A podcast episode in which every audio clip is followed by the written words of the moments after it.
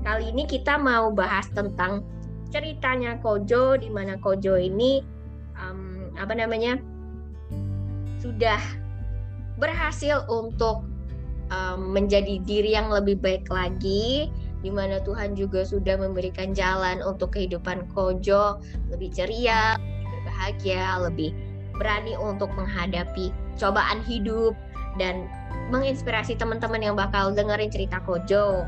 Boleh perkenalan dulu Kojo dari mana dan apa yang mau dibagikan hari ini? Halo, saya dengan Joe. Saya tergabung di salah satu uh, komunitas Katolik di Jakarta, uh, Light of Jesus Family. Uh, Light of Jesus Family Indonesia. Uh, saya berumur 30 plus plus, ya itu aja sih guys. Oke. Okay. 30 plus plus masih muda kok untuk masalah umur kita tidak dibatasi ya karena kan yang namanya Oke. Okay. Yes, benar. Karena untuk muda, orang muda bisa jadi kelihatan tua, orang tua juga bisa kelihatan muda. Jadi ya umur itu hmm. hanya sebatas usia atau angka. Dan kali ini Amin. kita mau bahas tentang yang masalah ini ya kok ya, masalah apa namanya? Bagaimana kita mengatasi permasalahan diri kita Oh ya benar good mental iya. health. Boleh nggak sih Kojo uh, ceritain sedikit tentang mental health ini? Hmm, ya mental health ya yang sekarang lagi banyak kan ya di negara kita kan ya masih belum lah ya masalah mental health ini masih masih belum gitu loh maksudnya dalam arti uh, ya akhir-akhir ini aja. Akhir-akhir ini. Kalau dulu kan masih belum gitu. Uh, dan juga masih banyak orang-orang yang menyepelekan mental health gitu. Gitu loh ibaratnya kayak ah gitu aja lemah. Ah gitu aja ini. Padahal kan kita nggak tahu kapasitas setiap orang kan berbeda. Itu aja. Gitu. Manusia kan diciptakan berbeda gitu. Dan kapasitas setiap orang untuk terima pressure, terima tantangan, terima masalah itu setiap orang berbeda-beda jadi ya sering kali uh, stigma ya stigma tentang mental health di Indonesia ini di kalangan ya di negara ini masih belum gitu. Cuma ya banyak sekali kan sekarang kan eh, film-film yang angkat isu tentang bipolar dan segala macam tentang mental health depresi dan segala macam. Ya jadi orang-orang mulai sadar gitu bahwa ya mental health itu ada gitu sih. Oke, okay. hmm. jadi mental health hmm. itu lebih uh, uh, mental health itu lebih ternyata ada banyak macam ya kok ya termasuk depresi, yeah. bipolar segala macam itu. Iya, itu, mental banyak banyak. Iya, saya juga baru tahu ternyata mental health itu nggak cuma depresi aja ya. Banyak, banyak traumatik juga mengakibatkan mental health juga. Karena ada banyak macam macam ya traumatik pada masa muda masa kecil terus ya uh, kesedihan yang berlarut-larut itu banyak sih. Terus kesulitan tidur ya termasuk mental health gitu. Insomnia terus anxiety. Gitu. oh anxiety. Kalau misalnya over anxiety kecemasan gitu termasuk itu juga mental health juga. Ya termasuk banyak. Mental health itu oh. banyak. Jadi kalau makanya tuh psikiater psikolog itu perlu mendeteksi semuanya.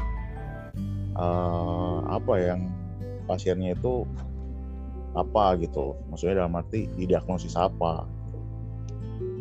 Itu dikembangi itu apa dikembangi di di oh, apa maksudnya di di diagnosis awalnya diagnosis kan sering kali kan diagnosis itu kan sering kali salah atau apa gitu. Terus ya diberlanjutin di apa dia maksudnya bukan diberlanjutin gimana? Di uh, bahasa kasarnya ya didampingi lah ya ibaratnya kontrol gitu loh. Dikontrol ini ada gejalanya apa gitu. Tuh jadi gejalanya dicari tahu ya kok ya?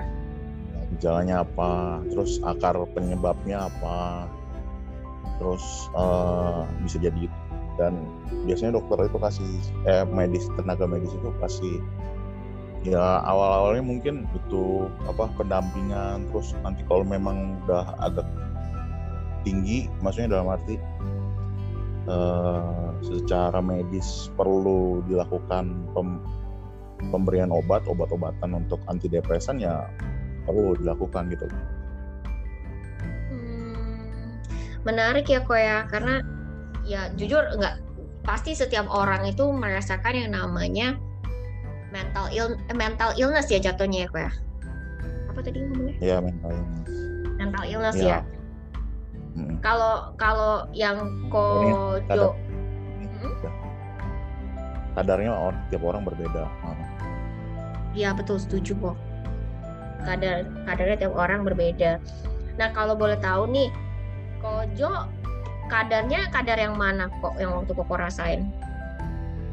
Oh, kadar waktu ya kalau saya sih udah nggak fokus sih untuk udah termasuk middle ya udah termasuk middle karena udah hmm, udah nggak fokus terus juga masih ngaco terus ibaratnya kesulitan untuk tidur terus perlu tidur untuk tidur perlu rintik air hujan dan apa uh, tidur harus bisa kalau malam tuh rasanya takut segala macam uh, tidur mesti ada kelihatan sinar matahari untuk ini sih. Ya itu udah termasuk middle sih ya karena kan kalau yang masih awal-awal tuh nggak perlu lah ibaratnya nggak perlu nggak perlu konsumsi obat segala macam cuma untungnya hanya ya itu saya hmm, bukan karena ini lah mujizat lah ibaratnya lah nggak perlu konsumsi obat antidepresan gitu. Wah, puji Tuhan itu banget ya kok. Belajar, belajar ngitung, belajar ngitung, ngurut 1, 2, 3, 4, 5, 6, 7, 8, 9, 10 gitu. Biar fokus. Terus belajar fokus, belajar banyak ya kok ya yang koko mesti ini ya. Maksudnya lebih lebih apa namanya mesti yang lebih dihadapi yang mesti hmm. dilatih. Hmm ternyata nggak cuman aja iya. Ya tapi kan memang jujur waktu itu sempet ke itu ke dokter ke ah, ah, medis itu dan didiagnosa kan ada ada itu ada dia diagnosanya ya itu apa gejala ambang batas ya kalau nggak salah. BPM ya. Hmm. lupa itu penyakitnya waktu itu mesti tulis. Gitu karena emosi aku nggak kontrol terus bisa nangis sendiri bisa anxiety sendiri dan segala macam sih. Itu ya ya ya berarti um, cemas uh, nggak uh, khawatir takut gitu ya kayak jadi satu gitu ya ya fokus nggak fokus nggak fokus hmm. itu yang nah. jadi ini sih nggak ya ya kalau dia ngomong ngaco ngomong ngaco lah jadi nggak hmm. bisa apa bahasanya nggak bisa nggak bisa kayak nggak bisa kayak orang normal lah bareng ngaco bisa kadang-kadang los gitu los gitu, hmm. gitu. BPD BPD aku apa? pernah ya itu diagnosis aku didiagnosis BPD apa borderline personality personality disorder atau gangguan kepribadian pribadian ambang. Pribadian ambang namanya dalam mental illness itu ya kok ya jadi waktu itu di, di resepin obat terus cuma ya hmm, ya enggak sih aku bilang enggak dulu deh dok. Maksudnya saya coba dulu gitu loh ya puji Tuhannya ya proses ya. nah prosesnya emang gak lama. Ya prosesnya lama memang. Gitu. waktu itu saya prosesnya komunitas penting pertama komunitas orang-orang yang tepat. Orang-orang kita sharing itu juga orang-orang yang tepat bukan yang ngejudging. Orang-orang yang dengerin kita. Terus bukan hanya ngejudge kasih solusi orang-orang yang mendampingi. Terus juga rosario waktu itu karena agama saya itu katolik ya saya rosario.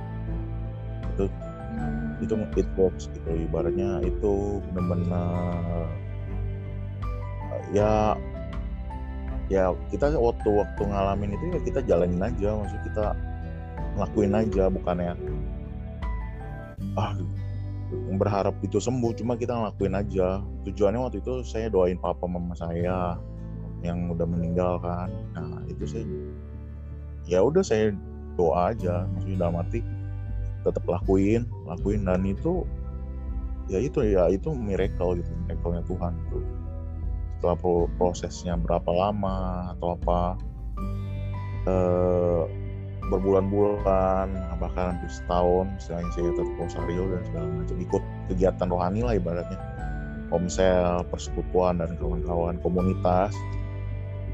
Ya perlahan tapi pasti terus habis itu juga belajar ngitung belajar untuk fokus belajar untuk ya itu biar nggak miss gitu biar nggak apa nggak melenceng. Gitu terus berusaha untuk ya itu pelan-pelan Tuhan bantu pulihkan.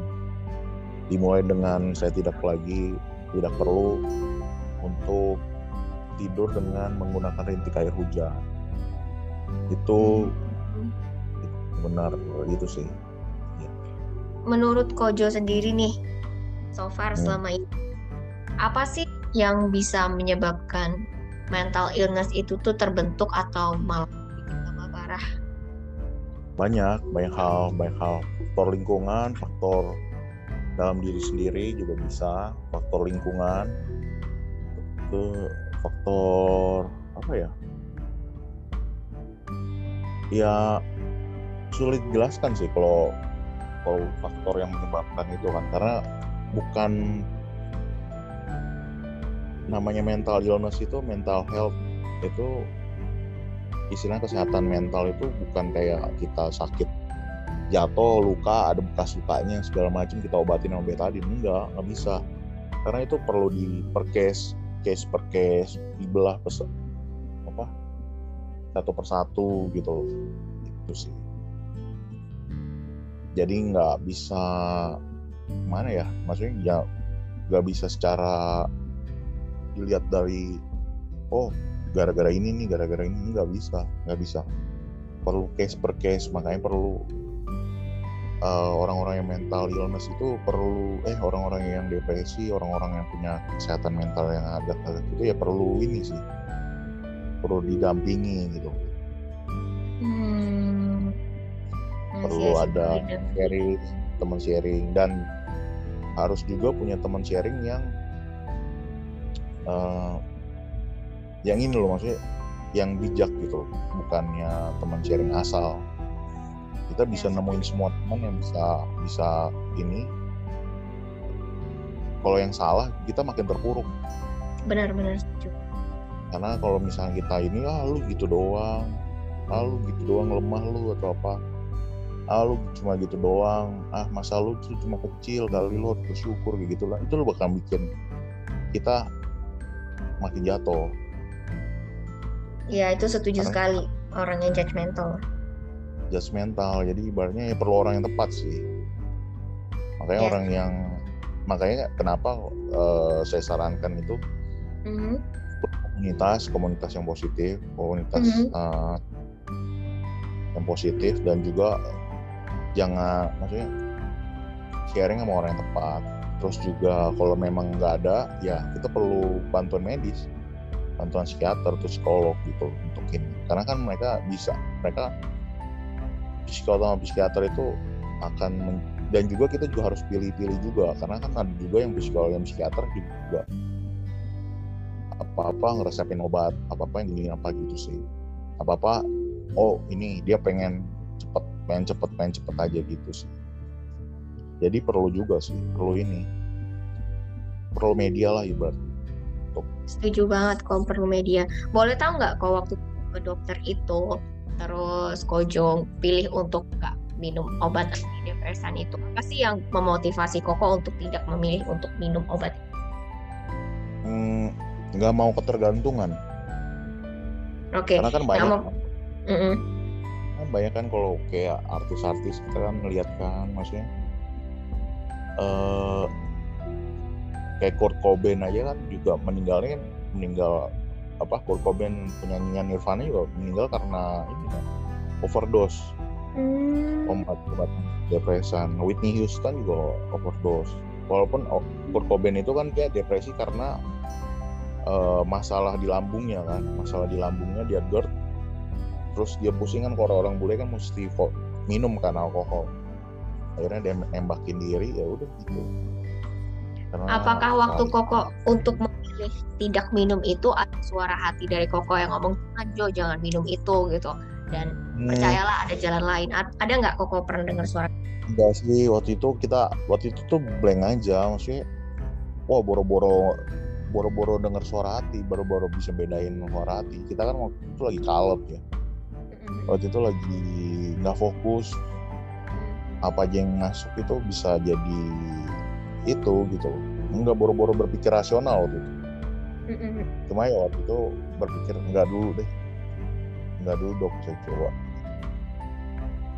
Nah hmm. dokternya bilang gimana kalau misalkan ada ini gitu. Tapi itu salah satu pikiran Koko sih sebenarnya yang Tuhan tuh ngelindungin kita dari cara Koko jawab tidak. Bisa berarti kayak bisa jadi. Ya kalau kan, dilihat kayak... di flash sekarang sih ya bisa jadi itu jadi salah satu faktor ya.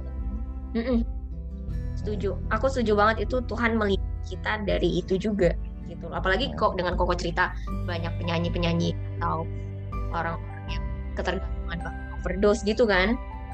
Hmm. Iya. Ya kan yang kayak Whitney dan segala macam. Ya.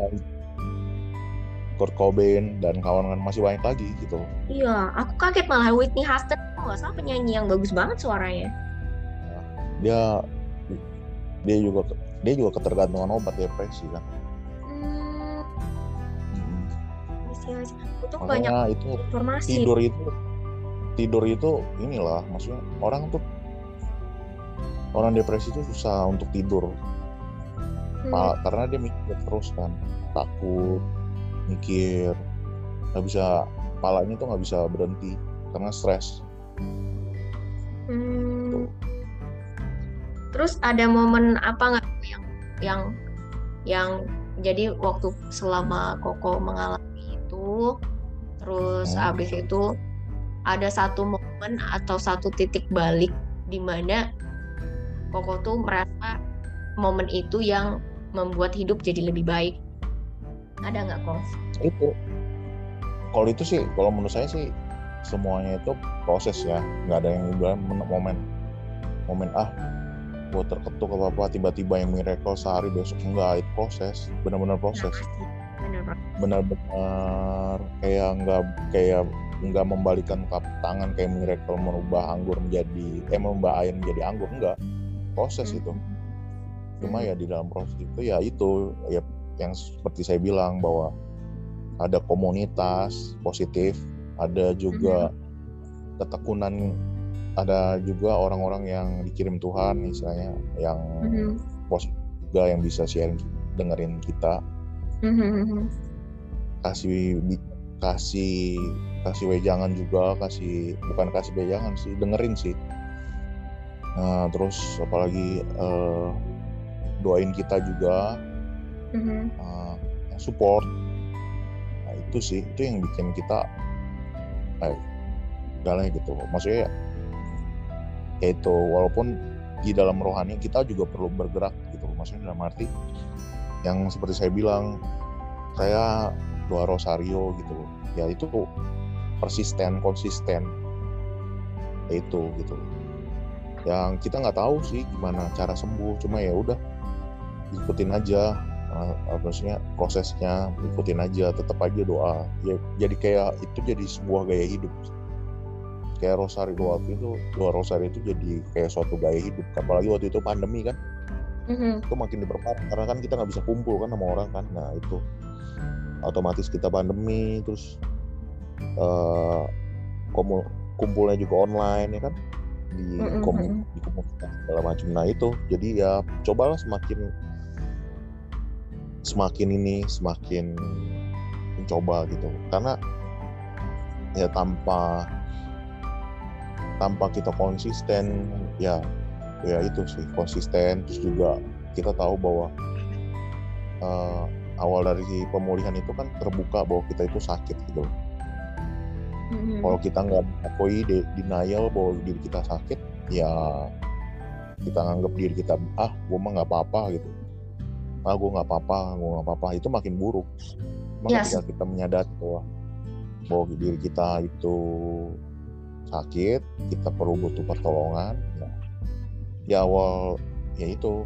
Karena saya lupa sih ada dari Kodafit atau ya pembina LJF atau da- dari ibu rohani saya Mameka yang bilang pemulihan awal dari sebuah pemulihan adalah keterbukaan gitu Betul. Kok. penerimaan diri gitu penerimaan diri sendiri itu sih Betul. kalau nggak gitu makanya makanya Hmm. saya bilang tadi kalau perlu orang-orang yang tepat gitu perlu orang-orang yang kita nggak asal pilih untuk jadi teman curhat kita gitu Eh, teman sharing kita teman mendampingi kita bisa kita lagi depresi. Karena itu bisa jadi bumerang buat kita sendiri karena apa ya bisa jadi itu malah dia ngejudging bahwa dia ah lu gitu aja lu apa lu mesti ini mesti ini mesti ini mesti ini gitu. Ya banyak sih walaupun juga kok ngalamin hal-hal kayak gitu. Lu mesti gini mesti kuat lah apa segala macem lah ya. Cuma ya ya mereka nggak ngalamin kita yang ngalamin gitu. Iya Ya, betul. gitu. Karena tidak mengalami jadi tidak mengerti caranya Ya, untuk gitu. Makanya perlu orang-orang yang tepat tuh. Nah kalau misal nggak nggak tahu orang-orang tepat mana ya itu kalau bilang medis itu salah satunya. Perlu juga search searching gitu loh ada lingkungan itu searching orang-orang yang eh, maksudnya tenaga medis yang istilahnya tuh benar-benar kan kita sekarang udah bisa search kan dokter-dokter Mhm. mana yang bagus. Mhm.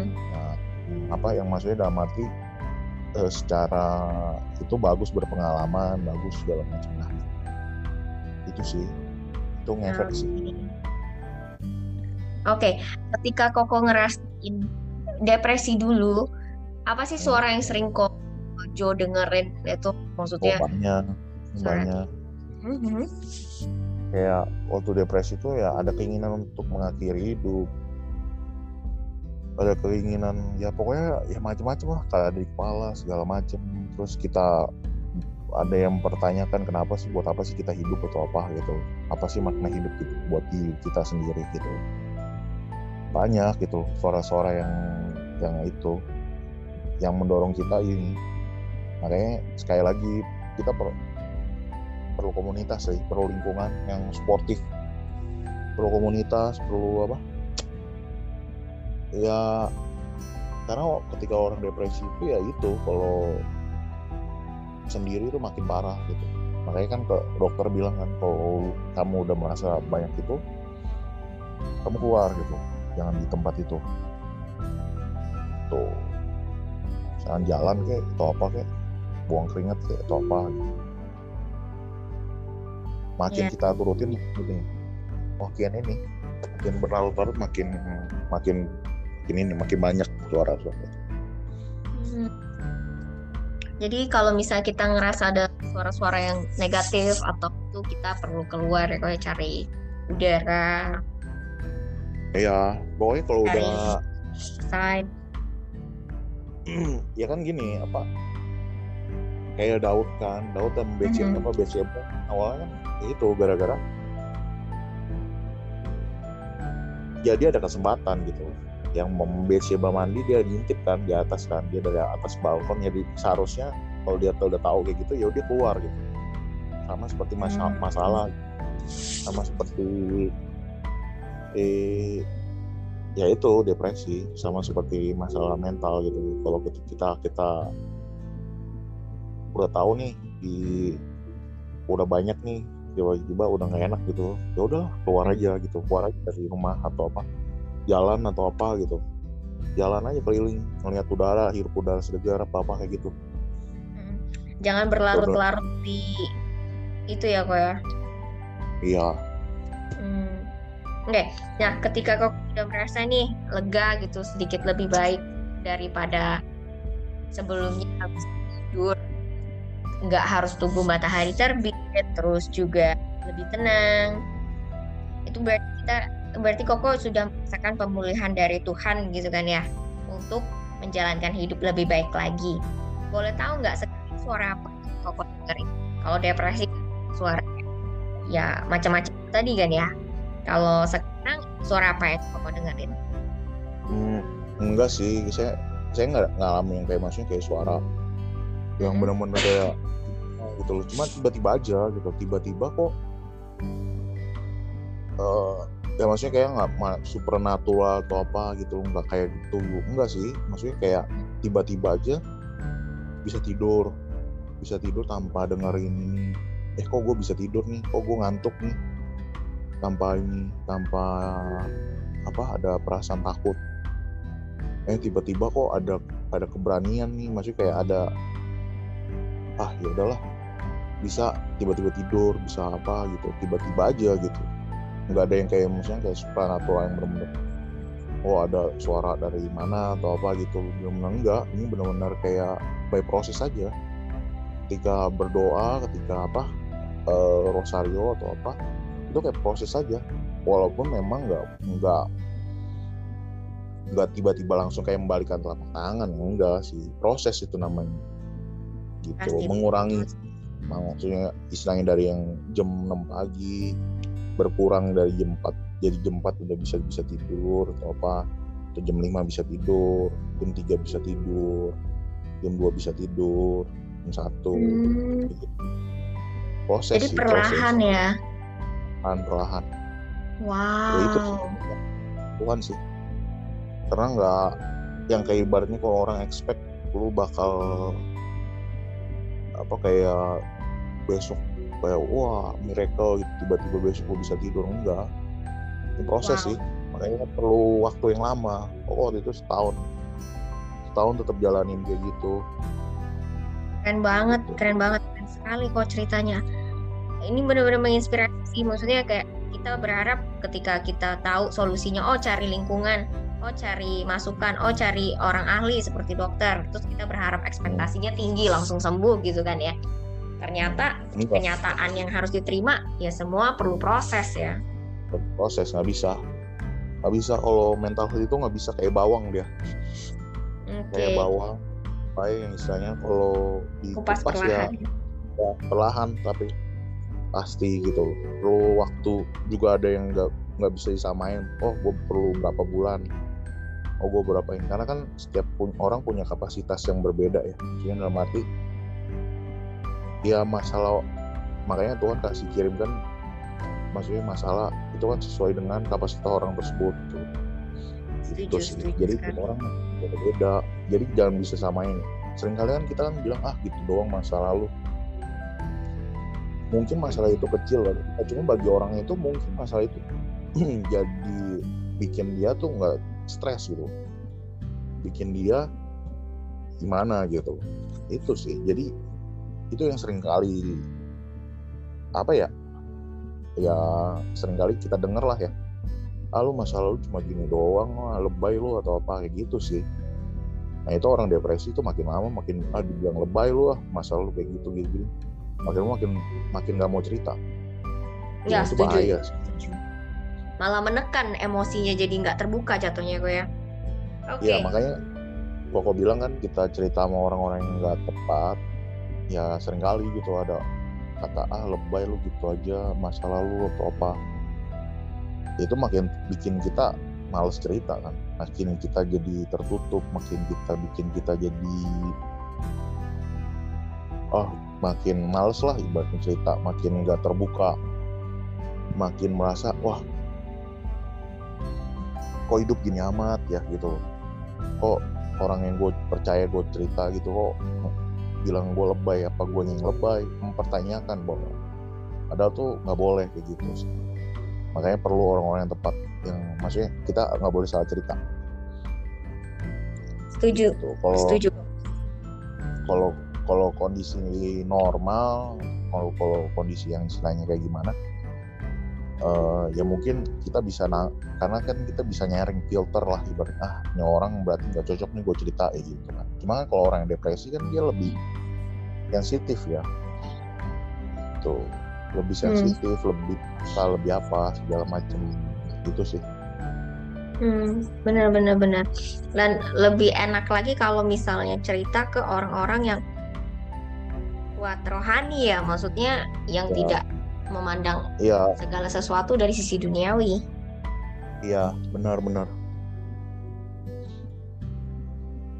makanya itu sih. Ngefek banget untuk efek eh, makanya perlu komunitas makanya perlu kunci kunci pemulihan itu kita perlu kom- berkomunitas sama Eh, karena eh, jujur kalau kita lihat dari ya kalau orang depresi kan pengen ada orang ada gitu. Orang yang ada orang yang bisa dilihat. Orang yang bisa didengar orang yang bisa ini. Cuma kalau orang bilang ah lu doa aja sama Tuhan apa apa segala kan Tuhan itu nggak bisa kita lihat kita apa. Kita nggak bisa ini. Ya maksudnya dalam arti kita nggak lihat kita punya iman gitu loh istilahnya. Nggak tahu kehadiran nah justru orang-orang yang dikirim Tuhan itulah perpanjangan tangan Tuhan gitu istilahnya dia mau mendengar dia mau jadi ini atau apa gitu sih. Dia mau menguatkan dia mau mendoakan kita itu sih. Jadi punya kita punya tenaga kita punya power lagi untuk yaitu bersekutu sama Tuhan segala macam. Karena kalau bisa bilang udah lu doa aja doa aja doa aja itu nggak mempan nggak mempan sama orang-orang yang kayak depresi gitu sih nggak mempan. Hmm, khotbahin apalagi dikotbahin wah lu kayak gini lu nggak berini wah iya, udah makin parah. Lucu. Kalau dikotbahin ya kayak ya? Maksudnya kayak setuju setuju. lu apa segala macem segala- lu kurang kuat im- kurang iman apa itu makin parah. Hmm, jadi orang-orang yang maksudnya ya pendampingan lah ibaratnya. Tuhan kan mau kita menjadi mata kita menjadi telinga kita menjadi bibir hmm, menjadi tangan tangannya dia gitu. Itu sih. Setuju setuju kok. sering kali, sering kali kita tuh jadi seakan-akan pengen jadi juru selamat lah ibaratnya untuk masalah orang itu gitu. Kita sering kali bilang lu sih nggak mau dengerin gua gua udah bilang nih udah capek capek hati nih gua. Terus segala macam. Karena untuk dampingin orang depresi itu ya perlu kesabaran nggak bisa tuh misalnya nah, nalarnya nggak main. Maksudnya kayak shock memory maksudnya kadang ketika dia ya kayak kan ketika misalkan saya cerita gitu sama A, A gitu. Hmm, dia dia nasihatin. Besokannya juga ceritanya masalah yang sama. Karena orang depresi itu short memory karena dia nggak fokus kan. Oh ini hmm, ada ini dia apa apa jadi dia tuh perlu di embrace perlu diterima perlu didengerin. Walaupun mungkin kan di dalam sisi sisi apa? Ya sebagai orang yang dengerin atau apa kan capek ya dengan Hmm. cerita yang berulang-ulang berapa. Nah kayak itu lah. Makanya saya beruntung gitu bersyukur bahwa Tuhan kirimkan orang-orang yang nggak capek dengerin saya nggak apa tetap support tetap apa tetap ini. Sering kali kan kalau lewat di komsel juga kan ceritanya itu aja. Ceritanya ya berputar di masalah depresi segala macam ya cuma teman-teman kan tetap tetap kasih semangat tetap kasih apa segala macam nggak ada yang hmm. bilang ah udah bilangin lo karena yang yang orang yang salah yang diceritain salah kan bilangin lo kayak kapan hari segala macam musim musim musim nah itu makin lama makin parah Hmm, terus setuju setuju. Oke. Pilih despair atau hope kok? Pilih Hmm? Pilih Apa? despair atau hope. hope lah Kenapa Hope. tuh? Ah, ketika kita hidup kalau nggak punya hope ah, untuk segala sesuatunya itu akan hampa sih Hmm, Hope. itu adalah pengharapan Pengha- pengharapan. Walaupun mungkin kita nggak tahu nih kita berharap apa gitu. Kita cuma berharap ibaratnya kalau di tikus kita ada di lubang kiri. Kiri kanan kita depan belakang belakang atas bawah atas bawah kita itu hitam. Di hmm, dalam itu delapan gitu. Cuma kita punya pengharapan bahwa di dalam ujung kita berjalan itu kita berharap bahwa ada titik terang di sana. Hmm, setuju, setuju. dan itu Oh. Harapan sih. Hmm. itu harapan sih. Makanya walaupun orang depresi nggak tahu tuh harapan itu apa ya cuman Hmm. dijalanin aja. Dia pengen ini ya pokoknya ya itu makanya. Itu sih. Selalu ada harapan ya kok ya, terutama Nah, di dalam kan- Tuhan. Ah, ya bro. Masih kayak apa ya cerita mental health ini juga kan eh, nggak bisa semata-mata kita menyepelekan secara pandangan medis lah ya karena juga harus perlu didiagnosa kan Hmm. pandangan medisnya segala macam apa gitu Hmm. karena kalau kasus aku kan lebih PD kan kalau eh, gitu, depresi dengan itu ke naik level ke jadi BP Hmm. atau ada lagi yang polar atau apa kasusnya yang lebih serem atau apa kayak gimana yang punya kepribadian ganda atau apa ya kan kita Hmm, nggak tahu juga. Tapi ya perlu lagi nah itu penang ada penanganan lagi gitu. Cuma ya percaya sih bahwa Tuhan nggak pernah melepaskan tangan atas hidup kita gitu. Karena kali bukan orang yang dia bahwa sembuh gitu. Yang penting kita mengetahui bahwa diri kita itu ya itu. Jadi kita apa ya diri kita ya terbuka diri kita sendiri gitu. Kalau ketika kita sakit ya kita akui gitu. Jangan istilahnya kita denial wah gua nggak apa-apa nih gua nggak inilah. Ah itu perasaan gua aja. Ah gua ini. Itu makin susah sembuhnya makin lama lah ibarat proses sembuh. Gitu sih. Itu dari saya Betul. Jadi kesimpulannya kok kita harus terbuka sama diri sendiri, mengakui kalau misalnya kita punya luka. Ya berkomunikasi lah ya sama diri Iya. sendiri ya. Lebih tepatnya apa yang udah dialami, penyebabnya apa, yang bikin sedih apa, akibatnya gangguannya kenapa, solusinya seperti apa, prosesnya bagaimana. Semuanya dijalani dengan sabar dan berdoa juga kan ya kok ya Iya, nomor satu. Nah iya. kira-kira nih ada nggak komunitas, Kenapa kok? perlu komunitas juga komunitas yang suportif Tuh komunitas Ya, yang aku- suportif, karena yang positif. lingkung lingkungan suportif komunitas yang positif komunitas yang menerima kita apa kan menerima kita dengan apa adanya eh maksudnya dengan maksudnya dengan apa adanya gitu loh maksudnya kita menerima komunitas kita apa bukan dengan komunitas yang menerima kita tanda kutip lah istilahnya dengan ada apanya apa gitu gitu Setuju setuju.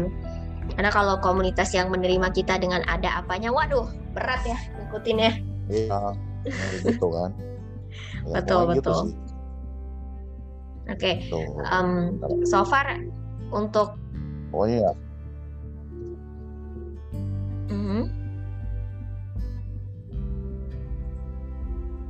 Ya, Oke, silakan Nol. pesan Koko untuk orang-orang yang mungkin mengalami depresi atau mental illness em, apa nih? pertama terima diri kita sendiri maksudnya dalam arti eh, jangan denial sama diri kita maksudnya kalau kita memang merasa kita depresi eh, kita mulai merasakan kita terpuruk atau apa ya kita terbuka sama diri kita gitu. Kita butuh tolongan kita harus itu loh. Jangan denial gitu loh. Jangan merasa bahwa wah kita masalah gini doang. Ah gampang lah gitu. Ah gue bisa lah. Ah gue nggak mau jadi orang jebol lah. Enggak jangan kayak gitu. Semakin kayak gitu semakin semakin apa ya semakin lama penyembuhannya. Karena kita denial gitu. Terus cari komunitas komunitas yang positif. Kedua ya eh, mendekatkan diri sama Tuhan. Jadi dalam arti ya Tuhan dengan agama masing-masing gitu. Ya itulah ya, istilahnya pasti ada jalan. Jangan ya pas pasti ketika kita depresi itu pasti sering dengan ah, eksistensi kita gitu kita takut gitu kita takut banget macam uh, ya itu bilang harap uh, harus selalu mungkin semangat kiri ya. kanan kita itu gelap atas bawah kita juga belakang gitu gelap kita juga kita jalan dalam gitu. Kita nggak tahu masa depan kita kayak gimana cuma ya kita punya pengharap gitu, gitu Tuhan tolong. Pasti Tuhan nguruin tangan. Dia nggak pernah nyerah sama hidup kita gitu. Terus sih. Intinya itu kalau ketika dia nggak pernah nyerah sama hidup kita kenapa kita juga harus nyerah sama hidup kita gitu? Oke setuju banget. Tuhan aja nggak pernah nyerah sama diri kita kenapa kita harus nyerah sama diri kita ya ya? Ah nah itu pokoknya di dalam proses depresi nggak mudah. Itu semua nangis mungkin apa atau apa teriak-teriak atau apa. Itu, itu proses dalam pemulihan. Proses di mana kita teriak-teriak proses di mana kita nangis sendiri proses di mana kita ragu terima bahwa itu kita emang lagi di posisi itu. Hmm. Cuma ya jangan denial jangan jangan denial bahwa oh setelah proses itu gue nggak apa-apa nih oh nggak apa-apa. Itu sih. Memang kalau misalkan kalau memang ada ada kecenderungan apa apa ya perlu perlu medis atau apa gitu. Hmm nah, oke oke. benar banget sih oke okay.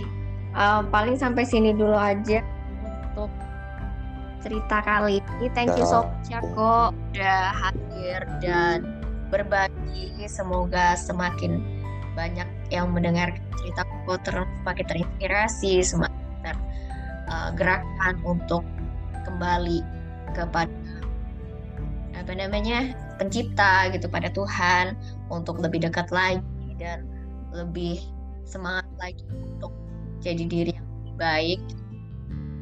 Berkat Koko juga bisa berbagi di sini. Pasti juga banyak orang ngerasa oh gue nggak sendirian gitu ada ada juga oh. orang yang yang yang sangat berjuang di dalam hidup ini untuk untuk melawan pertanyaan-pertanyaan hidup yang yang kadang kok begini banget hidup kok kayak iya, berat banget hidup gitu kan berat banget hidup gak ada yang peduli hmm, ada yang peduli sendiri banget atau apa gitu. banget temen kok iya. diceritain ya. begini amat gitu iya. malahan Ma reject ya. malahan ya. merendahkan malahan begitulah ya. ibarat kata karena ya benar kata koko tadi kita tidak mengalami apa yang dialami apa yang kita gitu kan ya. alami dan itu juga pelajaran juga buat gua buat semua orang di sini untuk tidak menyepelekan semua permasalahan orang lain dan hmm. ya berdoa juga untuk mereka untuk jadi lebih baik lagi. Oke, okay. Thank you so much Ko Jo sudah hadir di sini. Semoga Tuhan selalu berkati. Semoga sehat selalu Ko.